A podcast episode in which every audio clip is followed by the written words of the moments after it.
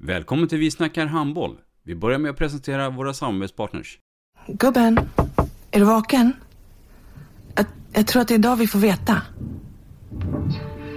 Jag kom in! Mamma, jag kom in! Mamma, jag kom in! Jag kom in! Ah! Vi finns där du är när livet förändras. För alltid välkommen till Länsförsäkringar. Nej men, ska du ha t-shirt på dig? Du, det är ingen vanlig t-shirt. Det är en nya bollar till klubben t-shirt. Och så matchar den grillkryddorna vi ska använda. Hur då? Men det är ju alla ska med på klassresan grillkryddor. Stötta barn och unga. Shoppa på newbodyfamily.com. Länge leve föreningslivet!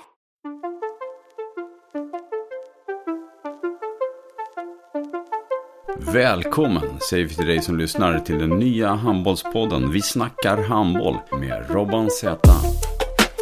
Vi snackar handboll, där du får veta alla sanningar som du inte visste att du missat. Vi snackar handboll.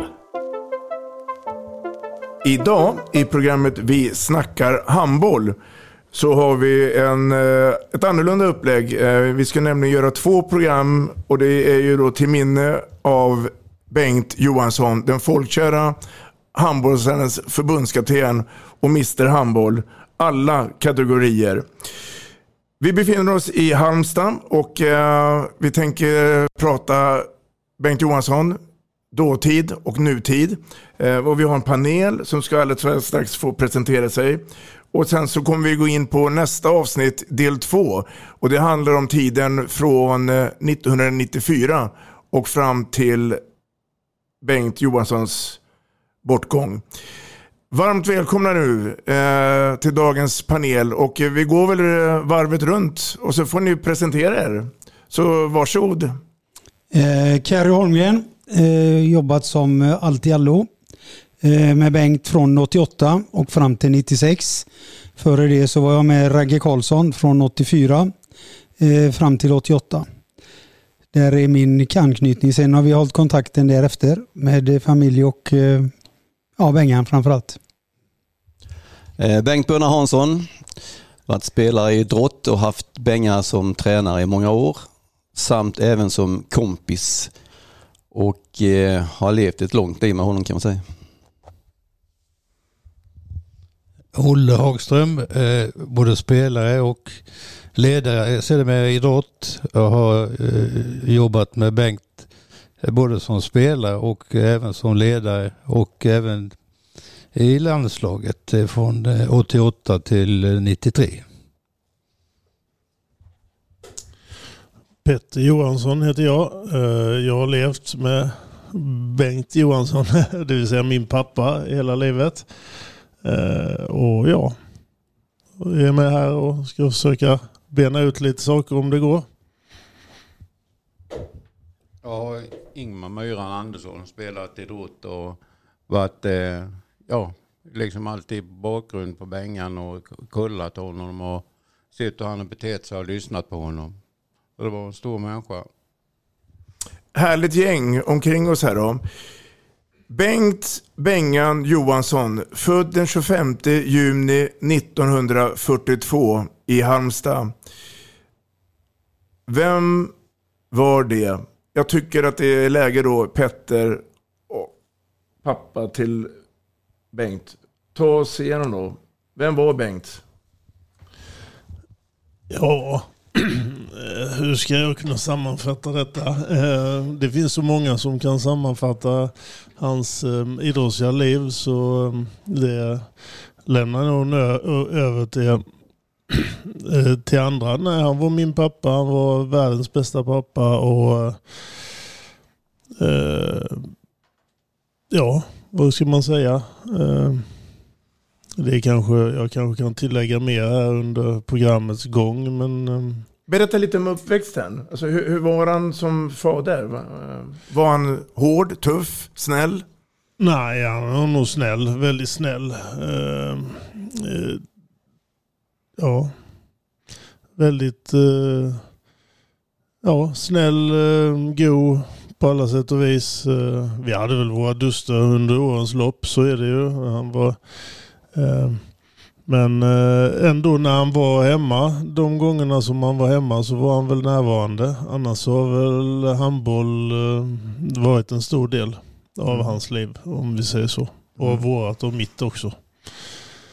Känner du att han formade dig till något speciellt? Eller hade du ja, fria vinglar och, vingar och, och gör precis vad du ville? Eller?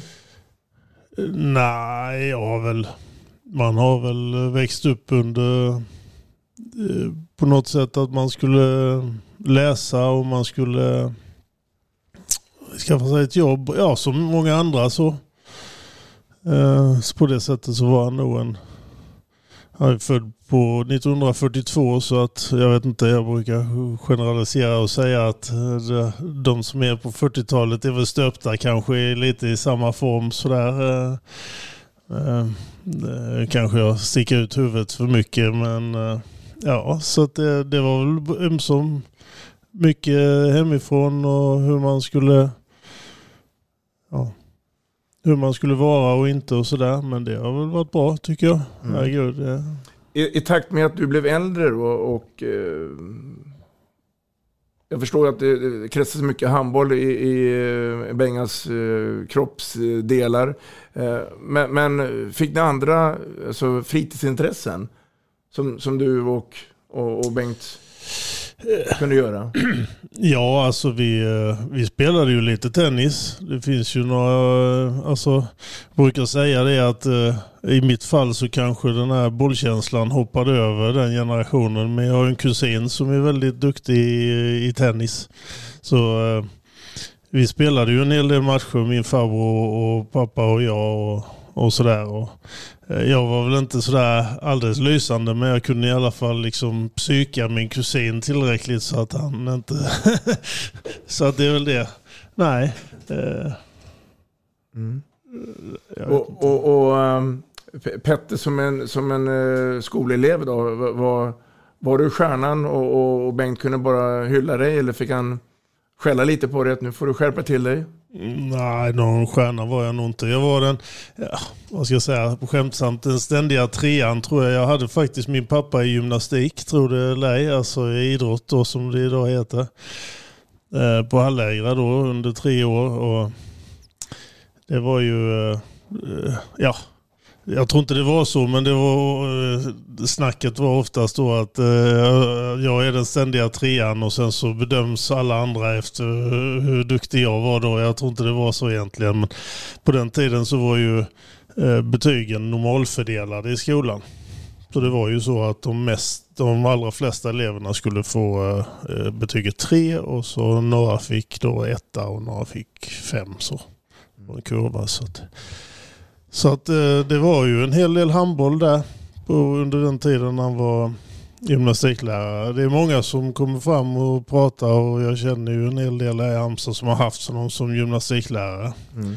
Och det gamla klassiska är väl då, jag vet inte att eh, när Drott spelade och, och eh, Drott förlorade så visste man att då var det liksom slingan i Hallägraskogen som eh, man skulle springa och eh, vann de så fick man spela handboll då typ. Ja, det. Jag, jag går tillbaka, eller jag följer på lite grann. Då. Alltså, åren går ju, du blir äldre. Um, börjar förstå också hur, hur, hur eh, stor Bengt var på väg att bli. Ehm, hade du själv något stort handbollsintresse då? Eller, eller? Eh, nej. Jag, jag, jag tittar på handboll. Jag har väl tittat på eh, hur många matcher som helst. Alltså jag har varit i både ishallen här då under den tiden och i sport, gamla sporthallen som det så fint heter. Eh, och, och så har jag tittat på tv och, och lite sådär. Så jag har ju följt det otroligt. Det är fantastiskt den gärningen som är gjord av alla i hela det laget och inte minst pappa. Och, men eh, där har nog min eh, kunskap om handboll stannat. Jag tror inte jag skulle kunna redogöra för hur man gör en guekbuek idag eller, eller alla de här grejerna då. Jag har ju sett många trianglar och cirklar i den här målgården och streckade linjer och gubbar som springer sådär och jag vet jag har frågat någon nu måste du förklara för mig hur funkar en gurkburk? Då kommer pappret fram och så springer den där och den där och mittnia och vänsternia och allt vad det heter då. Så att, eh, under alla de här åren då med eh, olika landslag, fick du Petter någon idol i landslaget, alltså någon spelare? Nej, det tror jag inte. Nej, inte. Ja, det pekar Carrie på sig själv. Ja. Det ska vara Carrie då. Nej, det är... Alla spelarna var ju olika. Så jag har ju träffat dem många gånger under den tiden. Inte alla givetvis, men eh, alla är olika personligheter. Jag vet eh, man kanske var mer närvarande men fast man var mindre när man var med under drottiden då. Då sprang man ju runt i sporthallen under träningar och, och sånt här. Och jag brukar säga det, jag sprang och räknade armhävningar. Eh, jag vet inte om Benna kan intyga men eh, hur många armhävningar Göran Bengtsson gjorde och inte gjorde och eh, sådär. Så att, ja. Hade, hade du och, och, jag var inne på det tidigare om ni hade några gemensamma intressen då, men, men hann du, hann du göra något speciellt som du, med, med pappa Bengt som, som du ändå vill dela med dig av? Som, förutom Och- handbollen då? Ja, vi har gjort så många olika saker. Vi har åkt skidor och vi var uppe hos en kompis. eh, han- hade en väldigt god kompis eh, som tyvärr inte lever längre som hette Bengt Olof som eh, bodde uppe i Göteborg som hade en liten stuga ute i Lyse. Och dit åkte vi i många år. eh, Pappa och jag och dök och åkte båt och, och fiskade. Eh, Makrill och grejer och sånt där. Så det finns så många olika eh, saker. Givetvis utanför handbollen. För mig så är ju faktiskt handbollen sekundär, om man säger så, eh, i det sammanhanget. Mm. jag. Intressant. Ja, Ja, det- Spännande i alla fall. I alla fall kul att ha det här och eh, vi lär nog komma in i Eh, familj, familjen Johansson igen här. Jag, jag tänker på vännen Bengt Johansson Ingmar. Ehm, berätta din relation med, med, eh, med Bengt. Ja, den eh, började nog redan med på början på 60-talet när Drott och handbollspojkarna spelade ute-DM och sånt på skolgården på Ängelbrektsskolan. Och då var Bengan med där i HBP. Och de hade bra lag, de hade minst lika bra lag som Drott hade när vi gick upp i allsvenskan. De kvalade ju två gånger till allsvenskan men torskade. Bland annat mot Sandviken om jag inte missminner mig fel. Så det var väl målfoten som skulle ta över liksom handbollsrollen i Halmstad. De hade ett bra lag. Och sen, ja, sen Bengt han var ju tillfreds med allting tycker jag och lugn och sansad och Förstod du tidigt att det här kommer bli en, en stor ledare? Ja, Eller det kanske, svårt då? ja, kanske ledare men inte handbollsspelare. men eh, och ledare så tror jag säkert i och med att han hade det som eh, yrke med i skolan. Så tror jag säkert på det. Hur, hur kunde man se det då? Nej men hans sätt att ta människor och sånt där. Mm. Hasse Johansson som är lika gammal som mig, han säger ju alltid det att eh, Tor Olsson har gjort det, har inte gjort en landskamp, Benga har gjort 83 eller vad det. Mm. Mm. Mm. Ja, ja. Så för då, men visst kom jag, trodde jag på att Benga skulle kunna bli en stor ledare. Mm. Och Han blev ju det också. Ja, ja visst. Analytiker och kunna fundera och tänka. Han, han sa väl alltid det, i alla fall många gånger till mig. Han sa eh, att han var en träningsprodukt. Jag vet inte. Alltså han var, att han inte själv Det ligger, ligger, nog, ligger nog mycket i det. Nu kommer böna. Så var han ju med i Hellas, då var ju Roland Mattsson förbundskapten där. Då var det ju Hellas spelare i landslaget i många, många år. Va? Och där gjorde ju Bengan sina 83 landskamper. Mm.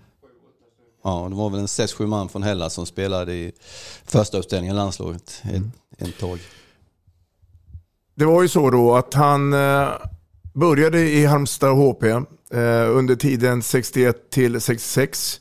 Undrar om inte han var i Halmstad från början. Ja, jag undrar om inte han eh, var i Drott som pojklagsspelare och sånt. Vi hade en eh, skollärare som hette Ecke Bengtsson som var väldigt intresserad. Jag tror att var ordförande i Han var Olle? Nej, men han, eh, men han var i alla fall från handbollsnästet Ystad så det var ju bara skepparen som gällde.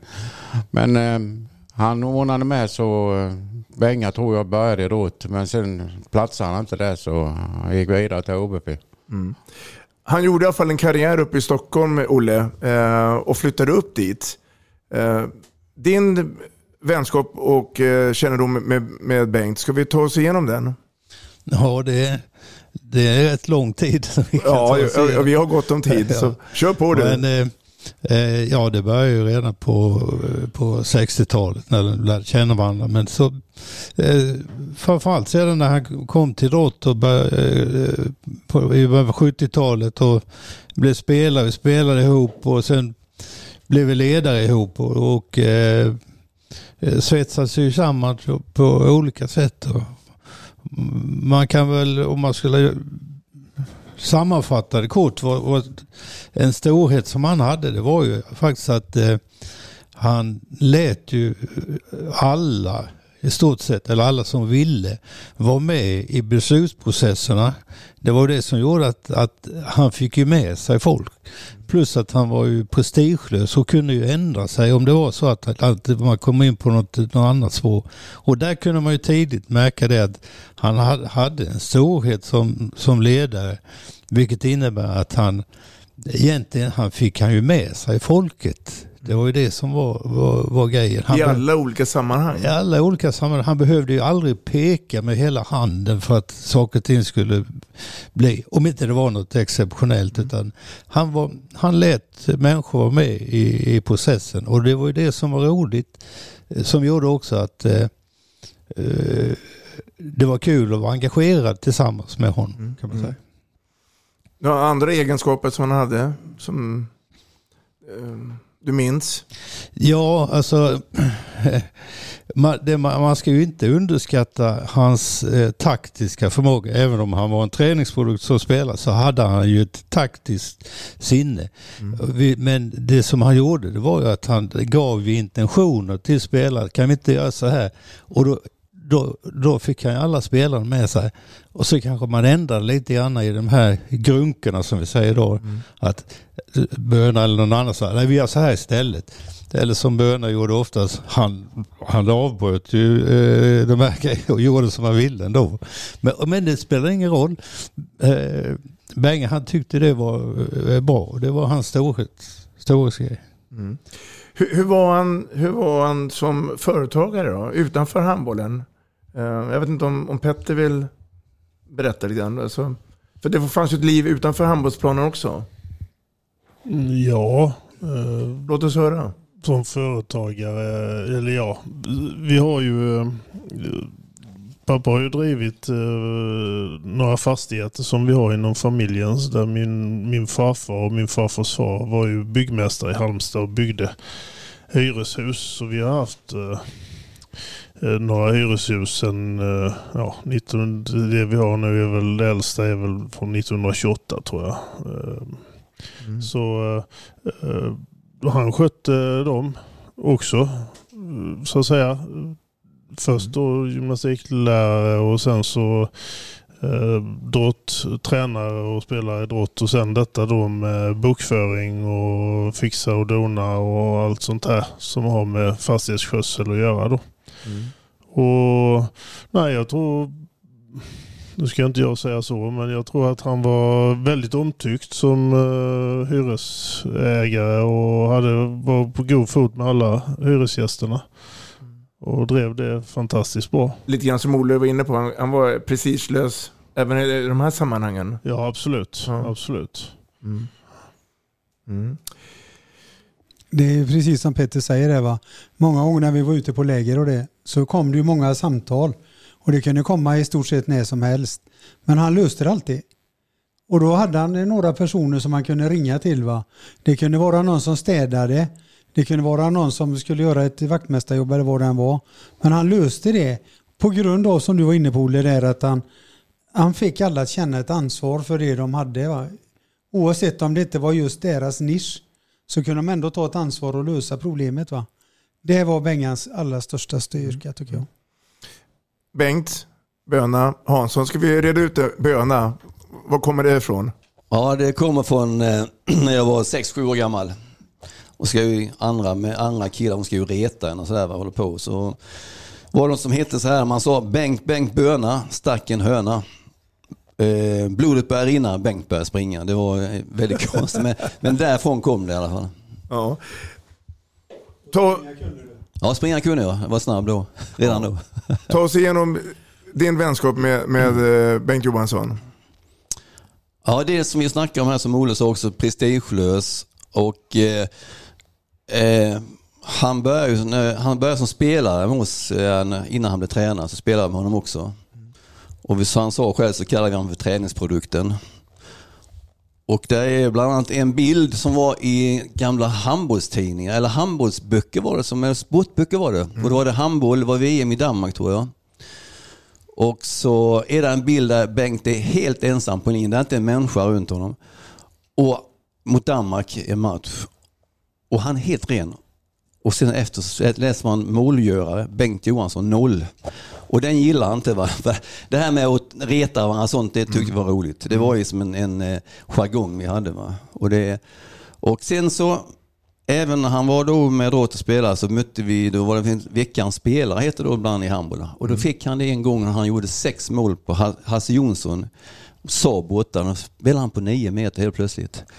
Och gjorde han bovlade in skotten. Han var så nöjd med detta. Va? Så att det var bara se hans min. När han, alltså, han hade en speciell min när han var nöjd. Liksom, va? Den, är, den är värd allt. Jag ser den minen. Och då var han ju king då. Alltså, han gjort de här sex målen va? från nio meter. Vill du påstå att han var en bra handbollsspelare? Eller hade han andra egenskaper som, som gjorde honom bra? Ja, han var bra eh, spelare. Han var taktisk. Han spelade mycket på linjen. Va? Han spärrade av och sånt och hade jäkla sinne och blick för det. Och stora händer som eh, Ja, dasslock? och tung att ta där inne. Va? Så att, Ja. ja. han spelar, och samma när han var ledare då, man har hört mycket att han inte är så taktisk kanske, men han, han var ju den som vi i Drott, vi snackar om försvarsspel, var han jäkligt bra på. Han vågade göra grejer. Va? Ibland i en match kunde man spela 6-0, 5-1, 3 punkt, man-man. Han ändrade under hela matchens gång och motståndarna blev förvirrade. Va? Så han hade mycket idéer och sånt som, som han plockade fram faktiskt. Han hade ju många vänner. Eh, en av eh, vännerna och kamraterna kommer här. Lyssna här får ni höra. Hej, det här är Ulf Schebert. För någon vecka sedan så fick jag det tragiska beskedet att min gamle tränare och gode vän Bengt Johansson hade gått bort. Ett väldigt trist besked. Jag har haft många roliga minnen ihop med Bengan under åren. Både när han var min tränare och eh, efter tiden eh, när jag hade slutat och själv började träna barn. Eh, många, det är svårt att hitta något speciellt minne för de är så många. Först går ju naturligtvis mina tankar till Bengts familj och anhöriga. En sak som slår mig var väl som jag tror att det var i slutet av 80-talet eller början av 90-talet. Bengt hade väl nyss tillträtt som förbundskapten efter OS i Seoul 88. Och eh, vi åkte på en turné i Sverige.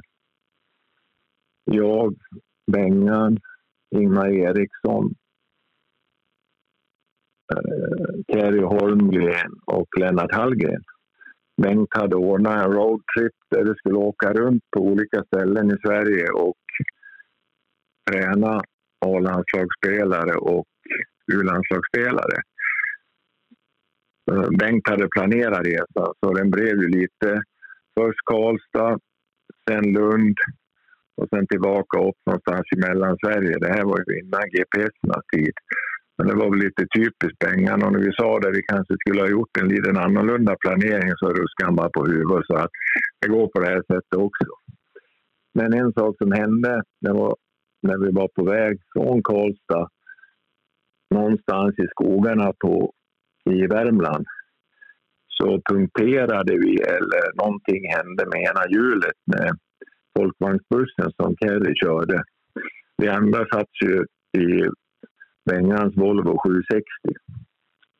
Så vi fick in med bilen i skogen och Kerry låg under bilen och eh, vi försökte assistera Benga, eh, eller Kerry. Eh, ja, det kan jag ana, det såg ut tre stycken i lodenrockar och Kerry overall liggandes under en folkvagnsbuss med fyra stycken med tummen mitt i handen. Eh, det slutade bra, men eh, lite så kunde det bli när man var ute med bängan. det löste sig alltid på något sätt och vis. Eh, en annan sak som jag också kommer ihåg det var vi var i Pontevreda med brott. Det här var så långt tillbaka som 1980. Eh, vi var där och spelade någon turnering och eh, Bengan tog ut oss och skulle eh, löpa på någon strand där vid Atlantkusten. Och jag kommer inte exakt ihåg vad som hände, bara jag vet att Bengan och Jörgen Andersson, en journalist från Hallandsposten som följde oss under många år, Eh, skulle göra upp i en löpduell.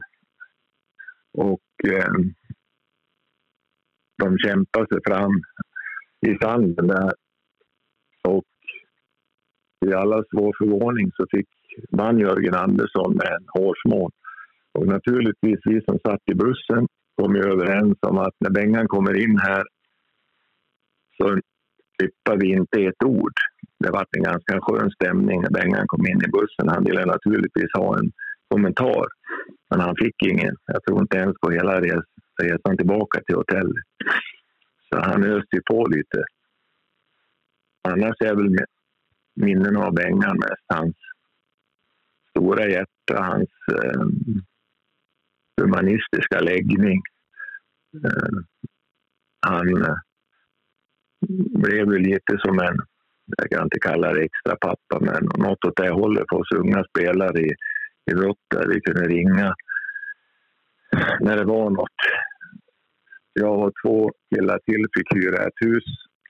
Hans gamla hus nere i Söndrum. Han lovade i ett svagt ögonblick att han tänk, kunde tänka sig att hyra ut det till oss. Det var jag, Roffe Dahlström, Dallaskaller och Roger Larsson som fick hyra det här stora huset av han. Och eh, ja, det hände ju en massa saker där, men det kanske vi inte ska ta nu. Eh, men som sagt var, eh, Bengt var en fantastisk människa och såg alltid det positiva i, i människan. Och eh, jag var uppe och hälsade på honom här innan jul, så det kändes skönt och vi satt och snackade under ett antal timmar. Så det, med, med, det känns väldigt tragiskt att han har lämnat oss. Mm. Ulf Skevert vad är det. Vad tänker du när du hör honom nu, Kerry Holmgren? Ja, hela berättelsen är med. När vi fick punktering utanför Gullspång var det. Eh, och det var, klockan var ju sent på kvällen. Klockan var väl framåt halv tio eller någonting. Och eh, vi hade en, eh, en buss där reservdäcket låg in under. Satt fast stenhårt. Det var ju igenrostat och allting. Va? Och jag och Ingmar Eriksson åkte ihop. Och Ingmar Eriksson bara gick runt. Vi lämnar bussen, vi skiter i alltihop här. Vi bara åker härifrån. Se till jag går ut och lyftar. Jag köper en taxi, sa, sa Ingmar Eriksson. Och då hade ju Bengt och de åkt så långt före så de hade ju dragit iväg. Och eh, det som skedde sedan när de kom tillbaka då, det var att vi hittade en verkstad som var öppet där och där kommer en kille med en raggarbil.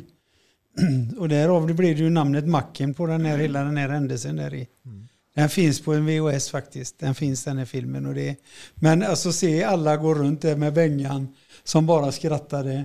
med Scheffert som skrattade. Och så Ingmar Eriksson som bara gick därifrån.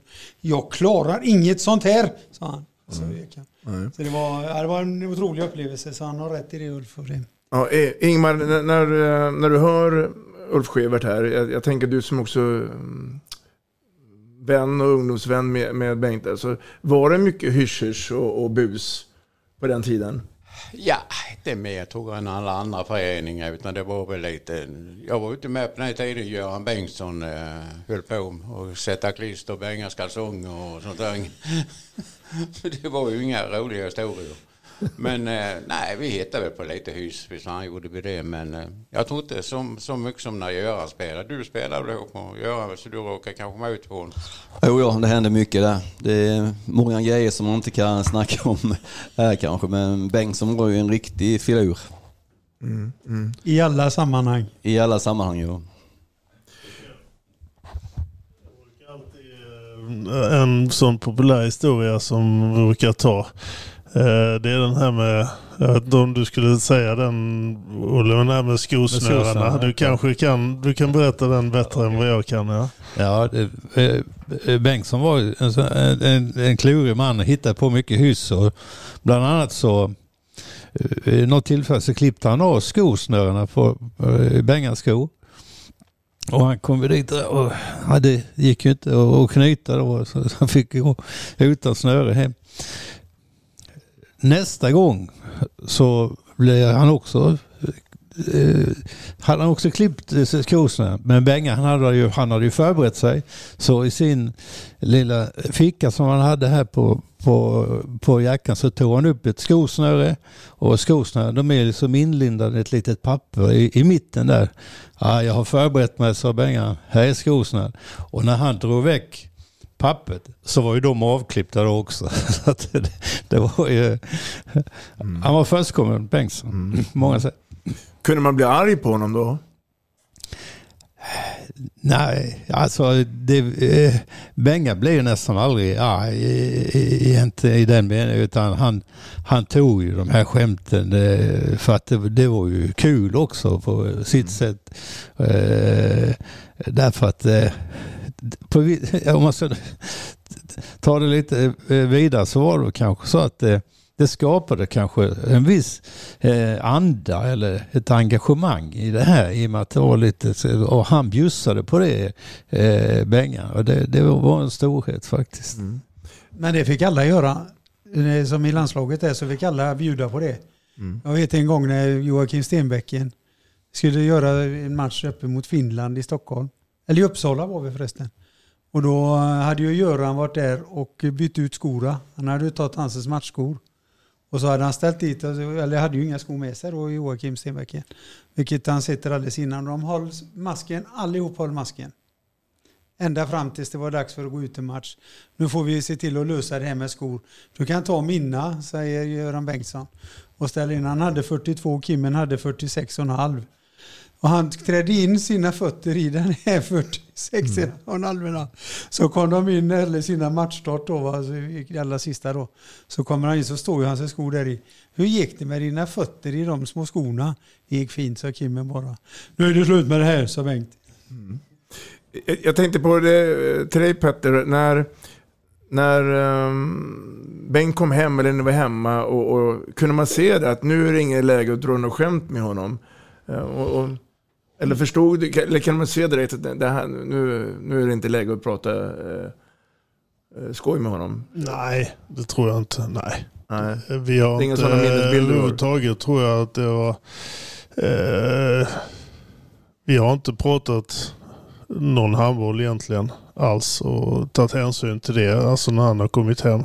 Inte vad jag kommer ihåg. eh, I alla fall så. Alltså om det har gått dåligt, gått bra. Ja, det var ju synd att det, det kommer en match till som jag brukar säga det. Så att det, det är väl klart att han har väl det har varit medgångar och motgångar så eh, handbollsmässigt men eh, nej, ingenting. Nej. Så han var ju lite så, eh, han tyckte det var, det var som eh, ni sa här, han tyckte nog det var lite roligt också. Det finns ju väldigt många sådana här historier eh, säkert från drottiden och, och jag vet att eh, eh, nu det, det sista halvåret, jag vet inte egentligen, alltså en lång tid så har ju några av grabbarna varit hemma hos pappa och så har de spelat lite på hästar på fredagar Mm. eftermiddagar. Böna, Olle och Myran och Einar.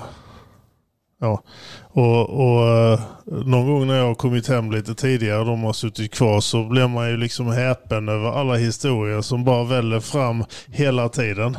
Man kan ju liksom, hade man varit en fluga på den väggen där när man inte hade varit, eh, så det är ju otroliga historier om den där och han gjorde det och det hände där och så var det där och, och sådär. Så det var ju mycket sånt där. Jag vet inte, några favorit någon grej som jag kommer ihåg som har satt sig hos mig. Det, när det var eller hur det var, det kan säkert Carrie eh, mycket bättre. Men eh, landslaget var ju iväg någonstans.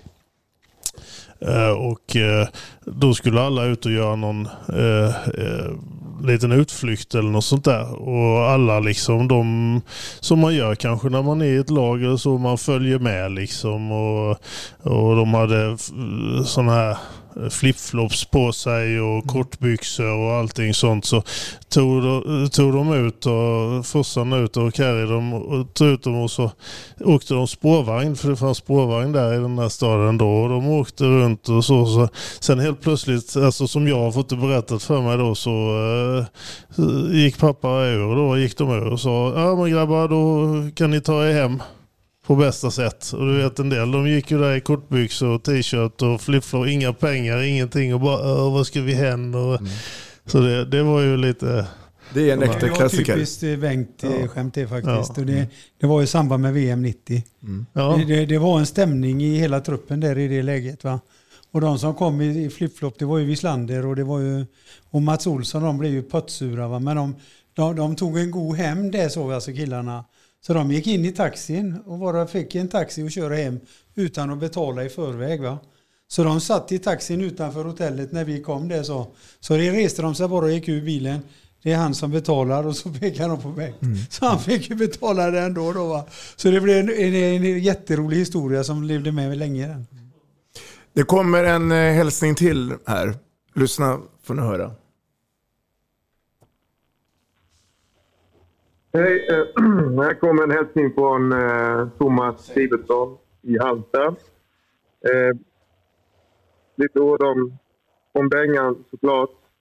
Stor Halmstad-profil, Halmstad världsprofil. Folkets man här. I min, eh, i min ungdom så var ju Bengan den man såg upp till på... Han ledde drott på 80-talet till SM-guld. Eh, Samtidigt så var han gympaläraren på handläggarskolan som ringde när han behövde en domare till sin skolturnering och då kom han dit som 16-17-åring och eh, hjälpte Bengan. Han har all, alltid vänligt ord och alltid eh, ja, godhjärtat. Eh, sen så var den stora delen såklart när han ringde mig 92 när jag är 27 år gammal eh, att det var dags att spela i landslaget. Och så fick jag den chansen att vara med runt Bengan i tio år och alla de upplevelserna från 92 till 02 är ju, ju det har liksom ja, format mig både som människa och som, som ledare i mitt ledarskap. Eh, tänkte alltid på alla. Eh, givetvis minsta detalj i, i match, matchförberedande men också att eh, sambo och fruar och alla runt omkring skulle må bra alla i staben skulle vara med, alla var delaktiga. Eh, och egentligen bara varma tankar när man tänker på allt, man har, allt jag har upplevt med Bengan i, i, runt jordens alla hörn. Eh, sen eh, efter landslagsåren också många, många goda minnen, många fikastunder ute i Frösakull och vi var på handbolls handbolls ungdomsläger i Budva. Att, att få med honom på de senare åren också var en, var en ynnest. Eh. eh, något av de senare åren, ja, för sju, åtta år sedan, så ringer Bengan och eh, jag ska hålla en liten, en liten handbollsträning för eh, ja, någon släktings barnbarn. Hur var det burkugurk var, sa han.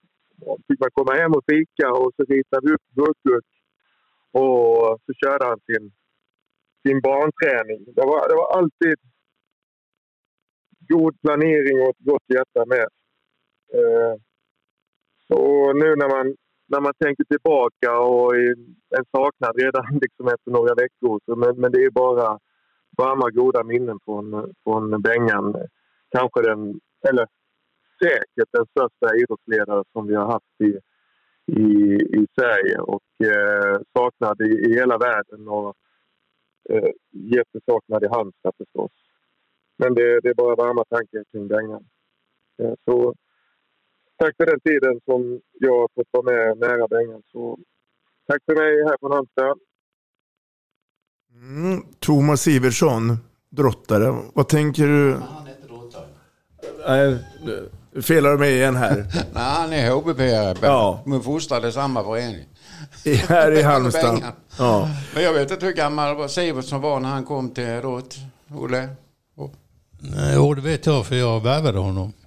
Och eh, han, var, han var faktiskt 24.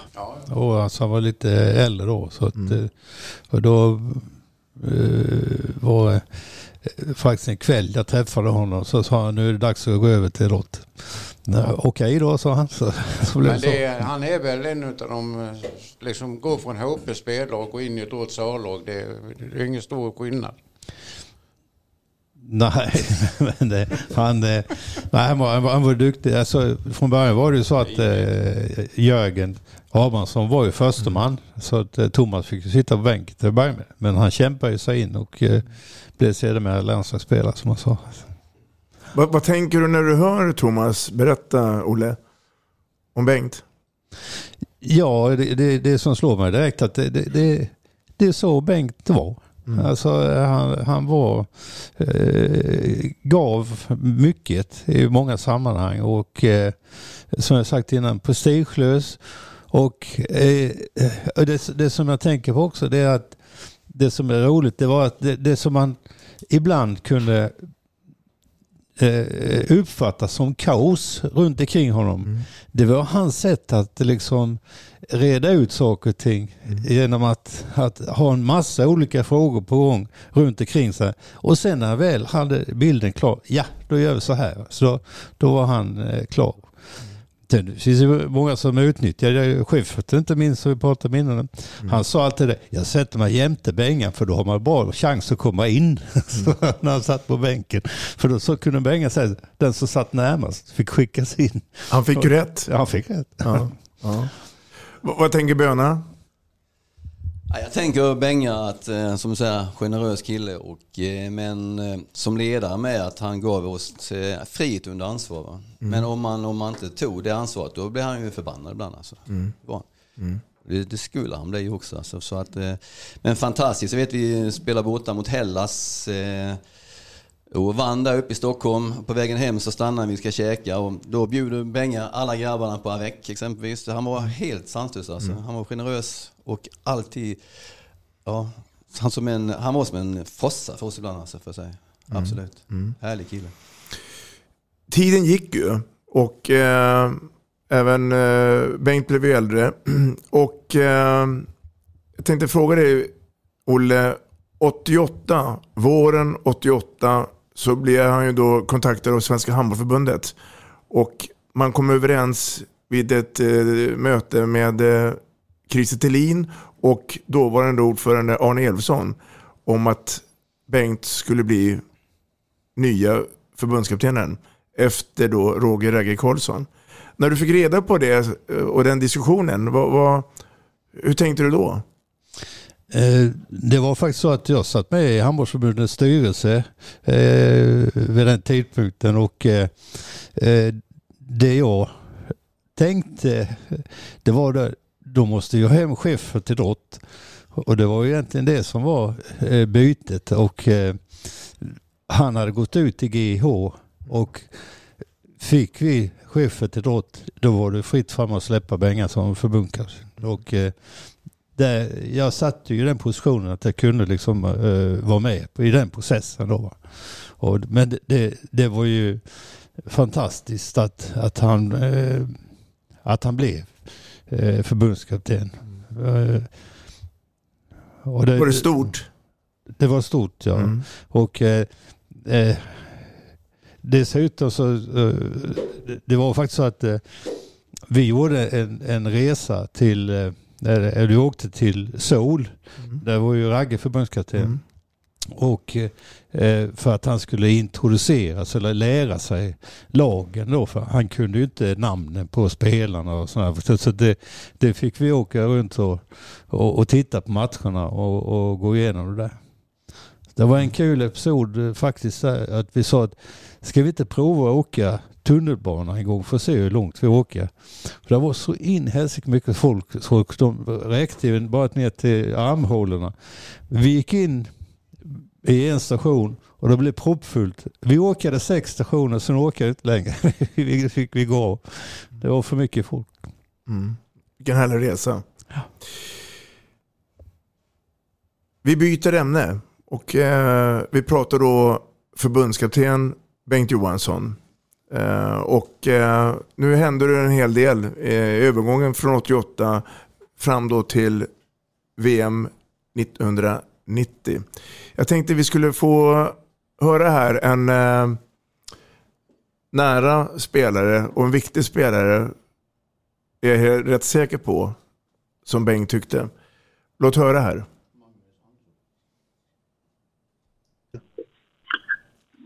Mina minne eh, Kim Bengan öppnades egentligen, eller var väl grunden när jag spelade RIK och Bengan var tränare för Drott. Bakgrunden kanske är lite viktig att ha med sig. Att under 80-talet så var det en ganska stor, eller var en väldigt stor eh, kamp, eller ibland lite mer, mellan de två stora klubbarna på den tiden, RIK och Drott.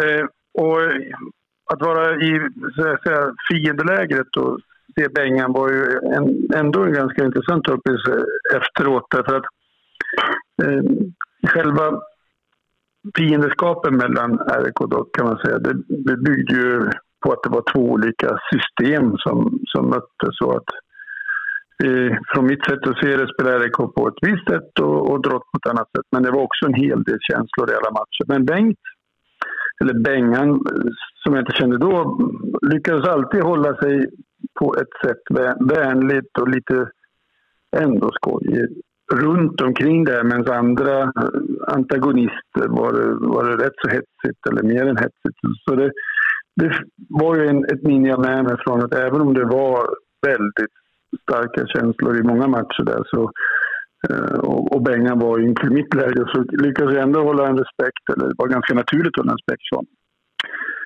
Men sen då 1988 då när förbundet bestämde att Bengan skulle bli efterträda Ragge så var det ju en hel del diskussioner i, som jag deltog i, liksom att det här var kanske inget bra val. Och vi tyckte att det var ingen diskussion kring det här. Och Eh, ja, kanske byggt mer på den bilden av att nu, nu skulle ett helt annat system eller eh, av, av hur vi spelar handboll komma fram. Och, eh, det, var, det var ju lite fascinerande efteråt hur, hur fantastiskt bra han skötte det här egentligen. Han måste ju ha känt motsvarande ungefär. Att, att det var två, ett RIK och ett drottläge, sen var det lite andra spela för andra lag. Och att få ihop det där måste ju ha varit en fantastisk utmaning. Men det, det skötte han på sitt eh, unika sätt. Jag, jag kommer ihåg hur vänligt humor, men också prestigelöst. Jag kommer speciellt ihåg en träning alldeles i början när han kom in. I, var, och vi hade en träning i, i Lunds gamla sporthall. Och Bengan kom och delade upp laget i två delar och ett lag, varje lag fick en A4-ark. Jag vet inte om det var 30 kombinationer som han ville spela. Eller som, som han, vi hade på repertoaren. Och, och, efter en del bök på den sidan jag var, kanske också på andra sidan, så sa vi att men du Bengan, det här, vi klarar inte av att hålla 30 saker i huvudet om vi ska bara träffas ibland. Så ja, sa han. Eh, vad, hur många då, då liksom? Och då, jag kommer inte ihåg vad vi sa, så tre, fyra. Men då sa han, ja men kör på dem då. och det tycker jag är helt eh, sensationellt prestigelöst och egentligen eh, otroligt klokt och balanserat. För jag, det är inte alla av oss som hade klarat av att vara så stor i det, det ögonblicket. Och det tycker jag, för mig, är det den, liksom, den snapshot som, som jag tycker förklarar hans storhet. Att han, att han lyckades att inte hålla sig själv i, i, i framkant hela tiden. Utan att om nu då, hur klokt det nu var att, vi, att jag och några till, eller vi som lag sa att äh, men det här tror jag är bättre, så hade han inga problem att att och acceptera eller till och med stötta det. Så han byggde ju på, ett, på sitt unika sätt som alla pratar om. Med, med den här blandningen av humor och men ändå fasthet när det gällde. För att det var ju liksom hans, han vågade ta beslut som gjorde att, att, eh, att alla förstod att det, liksom, det var inget ingen stor önskelista utan han, han höll i det på ett bra sätt, balanserat sätt. Så det, det var ju också grunden till att vi byggde en god mix när jag var med och spelade mellan de här två systemen om man säger, eller mellan ett, ett grundspel som, som eh, vi hade mycket av i RIK och mer kombinationer som spetsar där. Och det gjorde ju också enligt mitt sätt att se det att övergången blev perfekt från Ragge som hade mer det här träna hårt, bygga upp, hålla strukturer och men saknade kanske i vissa avseenden det som Bengan hade, den här känslan för att, eh, att leverera på match och att få ihop den här glädjen och släppa in spelarna på ett helt annat sätt.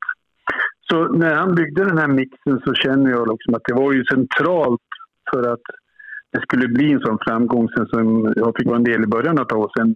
under 90-talet blev det allt mer. Så när eh, vi då växte fram och att vi hade en hel del färdiga eller, eller personligheter som han lyckades hålla i på ett bra sätt och, och utnyttjade på, på många sätt. Som jag lät alla vara unika och såg alla. Och, och det gjorde ju att han faktiskt eh, bygg, byggde vidare från 88 till 90. Så när, när vi då i VM 90 med en del stolpe in kan man tycka, men det var ju otroligt stabilt hela den resan. Och det är fantastiska minnen som jag har att tacka Bengan för. Och hans sätt har ju påverkat, och det är väl ingen nyhet, många utanför handbollen, inom handbollen, att, att jobba med ett mer ett involvera spelarna. Några mindre, några kanske lite mer, men ändå att synsättet var ju att, att, eh, att de som spelar bör vara med och ska få vara med och att alla fick känna sig viktiga på olika positioner. Det är en helt otrolig eh, ett otroligt stöd och ett, en, en framgång för den här mer moderna sättet att leda eh, människor i, i sport och kanske till och med utanför sport det har faktiskt inspirerat mig lite grann i de saker, saker som jag jobbar med nu. Att det var mycket i de här åren som jag fick med mig när man ska jobba med ledarskap. Så eh, jag har mycket att tacka Bengan för. Han var en fantastisk, vänlig och rolig person. Även om jag inte hade förmånen att umgås så fantastiskt mycket honom utanför de åren jag var med. Så när vi träffades så var det alltid med värme. Och det, ja, det var en fantastisk person. En av många medspelare till Bengt Johansson, Kerry Holmgren, Björn Gilsén. Vad tänker du när du hör det här? Ja, framförallt så, så är det ju så mycket minnen som kommer upp som Björn säger. Man har, man har fått uppleva så mycket ihop med det. Och det, det är ju så med alla vi som vi sitter här inne och vi har samma känsla av att det är en, en verklig eh, prestigelöshet, det är en eh, stolthet att ha lärt känna Bengan. Eh, sedan så var det ju mycket, Björn är en väldigt stark ledartyp själv. Och det var ju väldigt mycket fight emellan där Riva. Men jag glömmer aldrig för jag fick sitta med på det här mötet mellan de två. Och det var på Bohusgården i Uddevalla. Eh, Björn tyckte ju att han fick spela alldeles för lite. Alldeles för lite. Det var ju helt fel att köra med Ola och det var fel med den. Och det, och så, där då. så sa Bengt till honom på sitt ohärmliga ohärmeliga sätt då att Men Björn, du är ju bäst på att lägga straffar. Är det inte bra om du utvilar då? Därmed var avslutat. Alltså det, det bara löste sig på en sån kommentar. Och det var så typiskt Bengt att säga det med det här leendet som du pratade om förut, att han hade ett leende som var så signifikativt. För han sa det med leende, men det var allvaret bakom. va?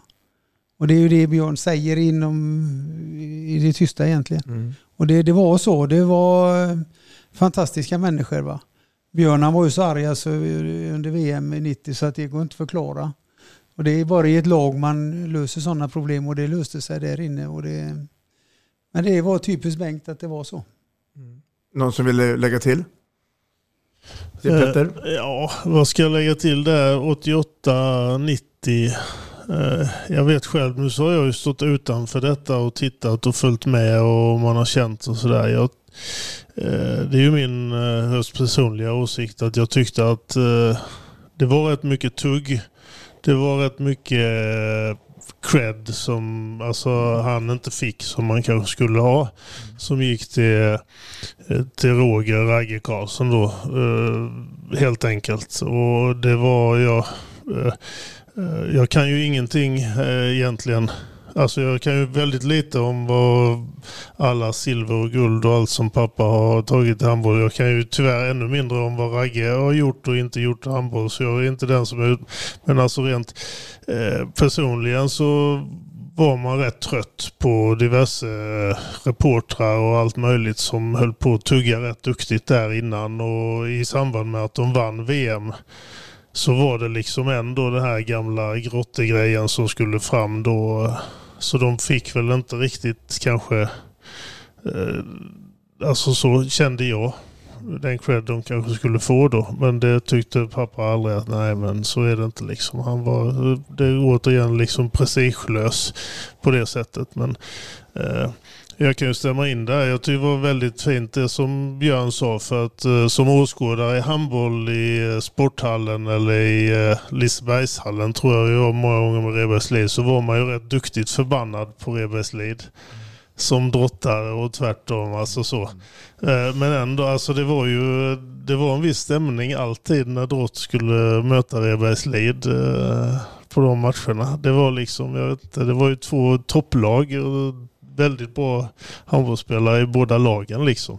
Det blev liksom fight eh, så. Och så var det A på berget och allt möjligt sånt där i ishallen. Så det var ju... Krig där mellan böna? Nej, det var rätt lugnt.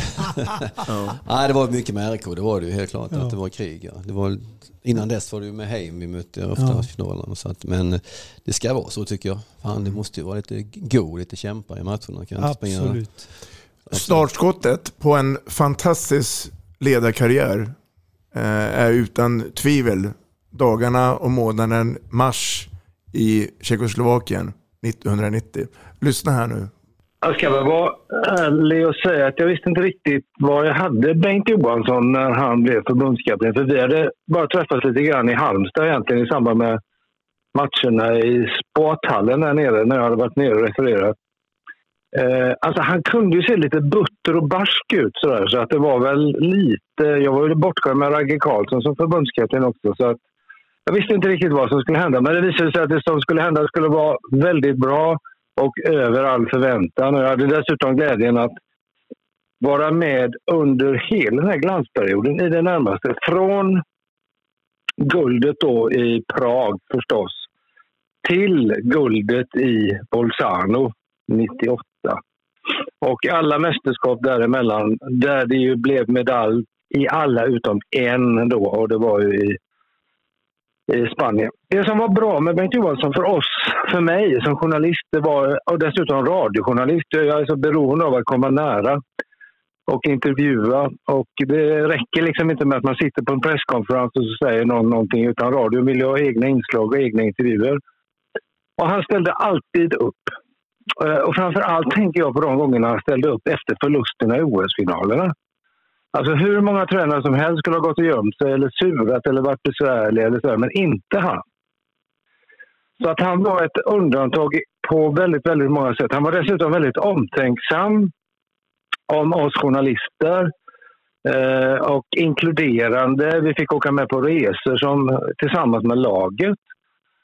Eh, på flera eh, ställen. Jag kommer ihåg att vi var och badade i några varma bad i Japan och vi var med på frågetävlingar och eh, ja, man kände sig alltså ganska inkluderad. Och eh, han var vänlig, trevlig, snäll, bestämd, rak, tydlig och eh, lämnade inte speciellt mycket i övrigt att önska, tycker jag. Mer än en OS-guldmedalj förstås. Ehm, det kändes ju lite bittert att det aldrig funkade, men jag menar, man kan inte få allt det här i livet. Så att jag tycker att han var en dröm att jobba med och det var privilegierat i alla avseenden. Och sedan så skrev ju dessutom en bok ihop som handlade om eh, honom, hans, eh, alltså från hela hans handbollskarriär och egentligen redan innan dess också.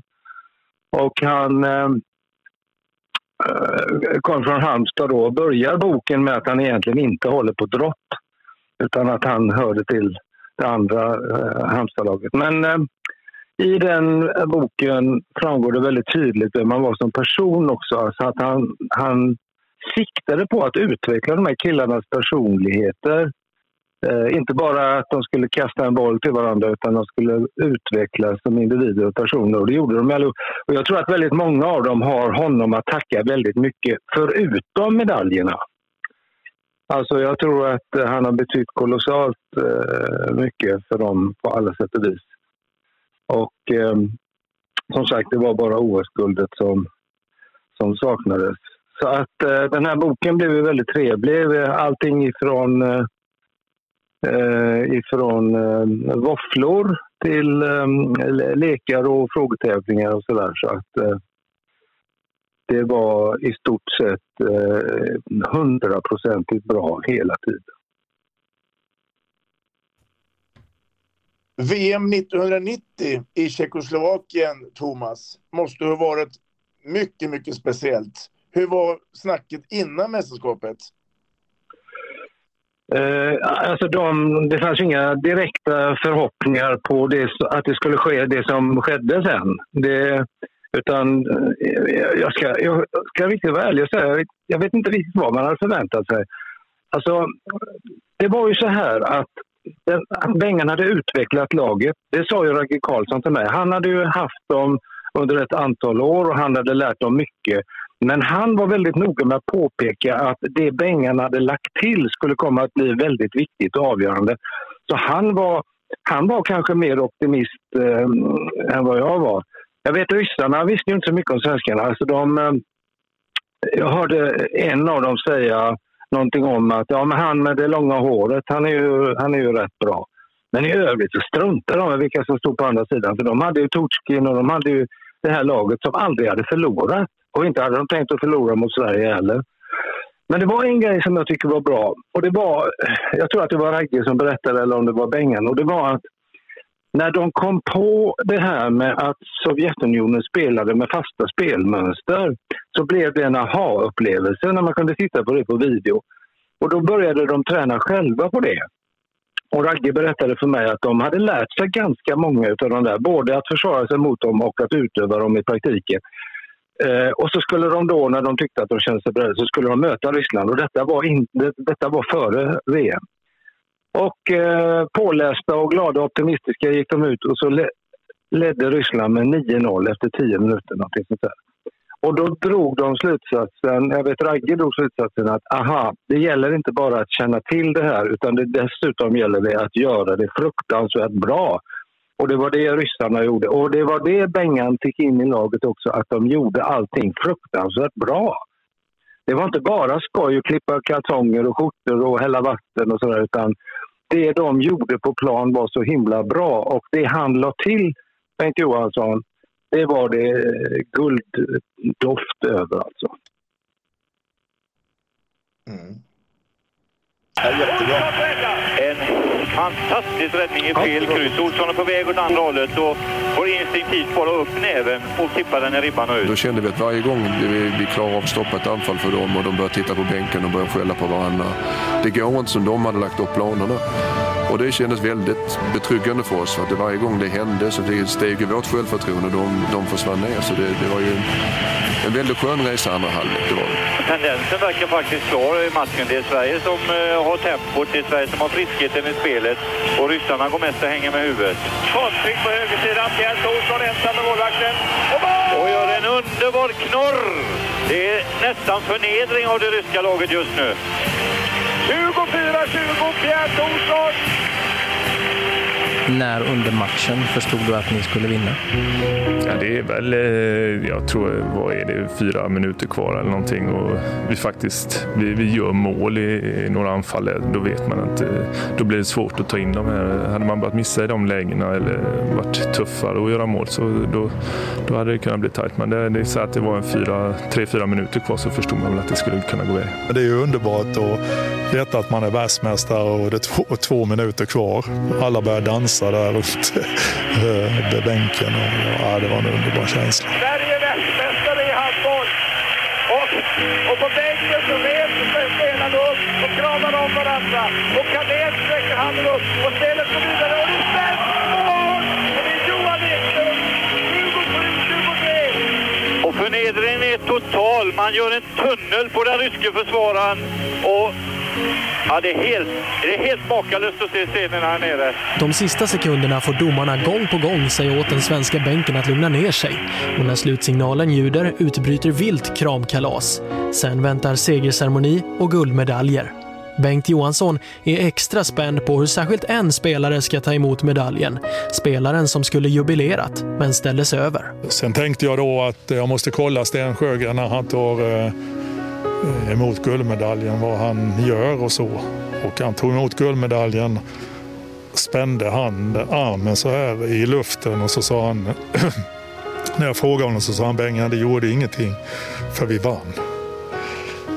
Och det tyckte jag var fint.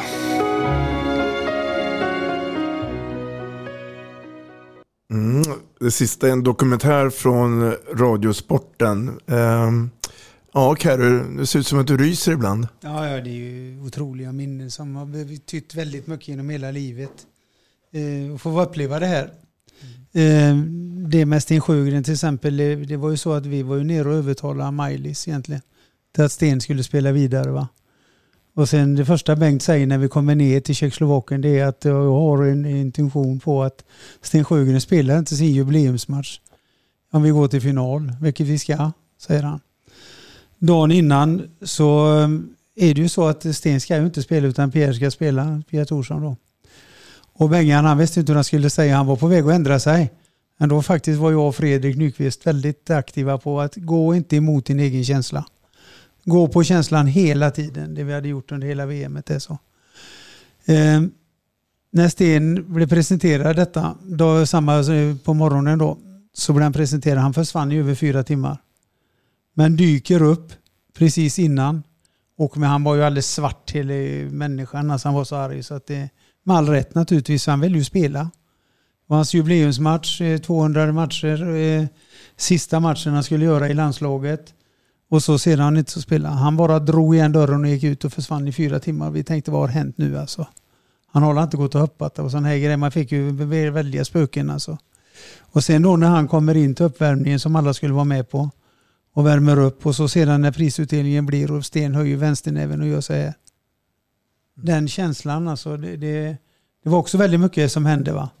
Sen var det Jonas Persson och det var Axel Sjöblad som inte hade fått spela alls nästan i, i VM. Va? Men det var ändå fantastiska människor som direkt dök ner och kramade om alla då, precis som vem som helst. Och det.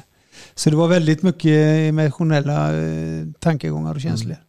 Vad tänker Olle och eh, Böna? När du, när du hör det här och går tillbaka i de här fantastiska tiden? Ja, för det första så det var ju en överraskning att eh, just den matchen vände då. Därför att ryssarna hade initiativet men så vände matchen och Ola Lindgren gjorde väl det avgörande målet. Och eh, eh, jag kommer ihåg, jag satt faktiskt på läktaren och då sprang jag ner och kom in på planen eller när det var, var slut. Då, så det, det var ju ett, ett, allmänt kaos som var fantastiskt. Mm. Det, det, var det. Och det, det, det var då nästan första gången som Bengan fick också känna på Jevtusjenko, den legendariska ledaren i, i Ryssland. Där det blev många bataljer framöver sedan med honom. Vad tänker Björna? Jag tänker det här är sjukt. Alltså, man satt och såg matchen på tv med att de tänkte att de har inte en chans mot det här ryska laget. Va? Och så gör en sån fantastisk match. Va? Det är en sån bragd så det är helt, ja, jag fattar inte det faktiskt. Någonting som får mig i alla fall att bli lite fundersam, eh, det är ju då att hela den gruppen spelare blev ju många också ledare. Eh, Och är fortfarande ledare. Är det Bengts förtjänst tror du? Jag tror absolut det. Att, de har, att han har liksom fostrat dem då och de har sett vad det har gett framgångar och sånt också med det här ledarskapet. Så jag tror att de har, har nytta av det, de här grabbarna faktiskt. Vad tror du Carro? Ja, absolut. Absolut är det det. Det smittade väldigt mycket på det sättet Bengt gjorde. Precis som Björn Jussin sa här förut. Va? Så, så smittade det mycket och han hade med sig han hade med sig så mycket från sin samlade karriär själv. Han tog ju ofta fram Hellas eh, olika personer. Det var inte alltid med Roland Mattsson. Det var inte alltid den eller den utan det kunde komma Jan Hernelius och så. Och det, sen så kom han in i handbollspojkarna. Det, det dök olika namn upp. I, idrott sedan också likadant där, va. Som har gett så mycket. Och det där tog väldigt många med sig från Bengts ledarskap. Det, det gav så mycket, precis det vi pratade om förut. Han var ju prestigelös va. Så han såg ju fördelarna hos så väldigt många människor. Så han gjorde att hans ledarskap har smittat av sig till många. Helt övertygad är jag på det. Helt övertygad. Vad säger eh, Myran? Om du tar... eh, Jo, jag säger som så att eh, Bengt eh, kunde ju plocka fram, tror jag, det bästa utav alla, utav alla spelare och sånt där. För han var ju en kämpe själv liksom. Han slet ju som en gris ju. Så det tror jag och spelarna då som har jobbat under honom och spelat för honom, så där, de eh, tog väl det med sig. Det Benga hade liksom krigat på sånt där. Men det är ju rätt roligt att höra vissa tv-kommentarer och sånt här som eh, idag erkänner Benga som en stor ledare och sånt där. Men när Benga blev landslagstränare så var de ju skitkritiska. För de kanske hade räknat själva med att de skulle få jobbet men de kom bli aldrig aktuella. Det, det kom ju ett utspel mot Bengts ledarskap 93. VM 93, där blev det ett utspel på det. Faktiskt på VM när vi kom upp till Stockholm. Vi hade gått vidare ifrån det så, så var det ett utspel som bara en tidning tog. Det tyckte jag var lite signifikativt när Thomas Simpson berättade det. Och det, det var ju egentligen bara en tidning som gjorde felet, som ringde på morgonen och bad om ursäkt. Och det var Göteborgs-Posten och Gälle Strömberg. Jag ber om ursäkt, detta har passerat oss utan att det var meningen. För det stämmer ju inte.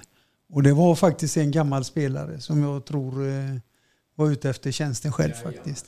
Mm. Om jag ska vara ärlig. Så att det var nog eh, lite grann det. Men eh, för det första så blev Bengt väldigt eh, deppad. Det så. Han blev jättedeppad kan jag säga. Men på något sätt så gick vi upp igen. Och jag vet Olle, du kom in där så den dagen. Eh, kom in och så satt vi ner och pratade mycket med honom. Och då vände det igen. Alltså. Så han, han kunde släppa, även det blev han prestigelös. Va? För han förstod att det bara var en enda tidning. Och de hade ringt och bett om ursäkt. Va? Sen de, alla, de andra journalisterna höll sig faktiskt undan. Det var ingen som vågade komma i närheten. Så kommentarerna kom inte mer än så. Va? Och där är nog ganska typiskt att det var så. Vad säger Petter? Mm, Ja, det Festen som... kom hem till Halmstad. Ja, festen kom hem till Halmstad. Eh, Den mötte alla möjliga upp och, eh, när han kom hem och det var ju mycket blommor och det var ju fantastiskt. Mm. Men det som slår mig liksom med det här i hans gärning då, det är det här med laget och, och så här. Och det har jag ju tagit med mig mycket och överlag. Att man liksom, det fanns ju olika spelare i landslaget som också var kanske mer eh, individuella och många som var liksom var i gruppen men att alla ändå eh, de jobbade mot ett gemensamt mål eh, i, som ett lag. Och inte de här i andra sporter ibland sådär. Jag tittar ibland på andra sporter men då, då är det ju så att eh, många gånger när de individuella spelarna sticker ut så blir det kanske inte världens bästa framgång för laget. Men när man liksom kan kombinera detta och så var det även under Drotts tid. Han är några anfallare och försvar, försvaret är bra och, det är det som är liksom hela den här, eh, jag skrev upp här, prestigelös. Det har ju kommit upp flera gånger och det här att eh, alla kan vara med, alla kan ta sin, dra sitt strå till stacken och, och liksom eh, komma med kommentarer och göra någonting bättre för laget. Och det är det liksom, det ligger ju i en av den här, min pappas fram fingertoppskänsla eller så här liksom. Var en ledare men var en god gubbe också eller liksom så här eh, under tiden. Och det, det, det är liksom för mig som inte är idrottsmänniska på det sättet så är det någonstans den här idrottens kärna lite grann så här va. Och då får man ju ha med sig under den tiden när han spelade idrott och tränade idrott. Jag menar, är det i handbollen överhuvudtaget så är det ju liksom, har det ju i princip aldrig varit några pengar i handbollen liksom. Som det är i andra sporter. Så det blev ju bättre alltså, när, när de blev mer framgångsrika. Men jag menar under drottiden så jobbade pappa jobbade på Hallägra och någon eh, han jobbade brevbärare, man jobbade, så hade halvtidsjobb och 75 tjänster och 100-procentiga tjänster och sen så gick man och spelade handboll och tränade handboll och åkte hela södra Sverige runt för att man liksom tyckte det var kul och man var, eh, man var duktig och man fick den liksom kraften från laget och runt omkring. Sen vi andra som inte var i familjen så vi, det var ju någonting man accepterade och man, eh, och man var ju en i gänget ändå. Men sen kan det ju ibland bli för mycket liksom och sådär. Men, men, men nej, det var positivt rakt över egentligen. Alltså så när man tänker på just den här laggrejen. Tycker jag är så fantastiskt. Hans första kommentar när han tillträdde 1988. Det är en, eh, en kommentar som jag bär med mig fortfarande idag. Inom väldigt, väldigt många sammanhang. Va? Och det var så här att Bengarna stod framför oss och ja, vad ska jag tillföra er? Mitt ledarskap bygger på så petade han ju alltid med sin höger lillfinger. Den stod alltid rätt ut så. Så tog han vänsternäven och så, så spelade han med fingrarna så här. Grabbar, jag är här för att utveckla individen i ett kollektiv. Och det där är en kommentar. Erik Hajas, du spelar på nio meter i Hellas, men du är bättre på kanten. Då ska du väl tillföra det. Och det, det var så, så typiskt Bengt det där va. Det var att ta ut det bästa utav varje individ. Och det kände man jag som hjälpreda så att säga. Man, man fick den friheten jag behövde för att utvecklas också med det. Det är mycket som kom till efter det också sedan dess. Va? Mm. Men det var en sån kommentar som var väldigt, väldigt, väldigt typiskt Bengt. Och det är som Peter sa också, det är ju inte bara spelarna, det är ju hela laget. Även mm. ni runt omkring betyder ju jäkligt mycket för att han ska fungera också, att laget fungerar. Och det var han ju väldigt mån om, de runt omkring laget också. Det var en storhet faktiskt.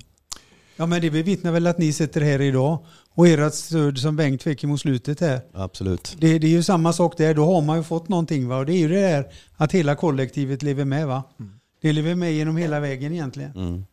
Och det är ju det som har varit unikt i Sverige med vårt föreningsliv säger jag. Absolut. Ordet förening, det säger ju så mycket bara man tänker på det lite grann. Och att inte tänka på jaget som du säger Peter, utan tänk på föreningen. Mm. Det blev ju sammanlagt 13 olika medaljer i olika mästerskap. Eh, två av dem har vi fått eh, tagit del av oss nu. Tiden har kommit ikapp oss. Eh, det är, eh, har varit och är en stor ära att få tacka er för eh, besöket. Och eh, ett fantastiskt innehållssamlat eh, eh, inslag om Bengt Johansson. Stort tack till er alla och ett extra tack till dig Petter och var stolt över den du är och fadern som finns med oss hela tiden. Ja, tack så mycket. Tack så mycket allihopa.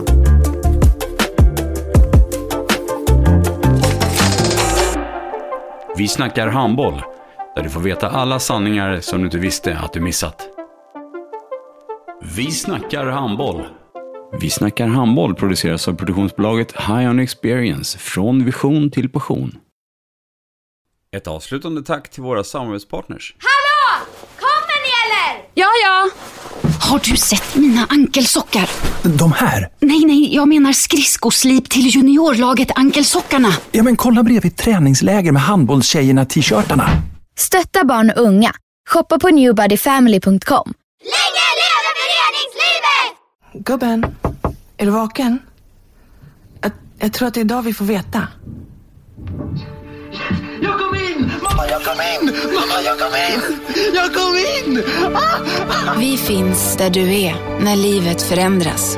För alltid välkommen till Länsförsäkringar.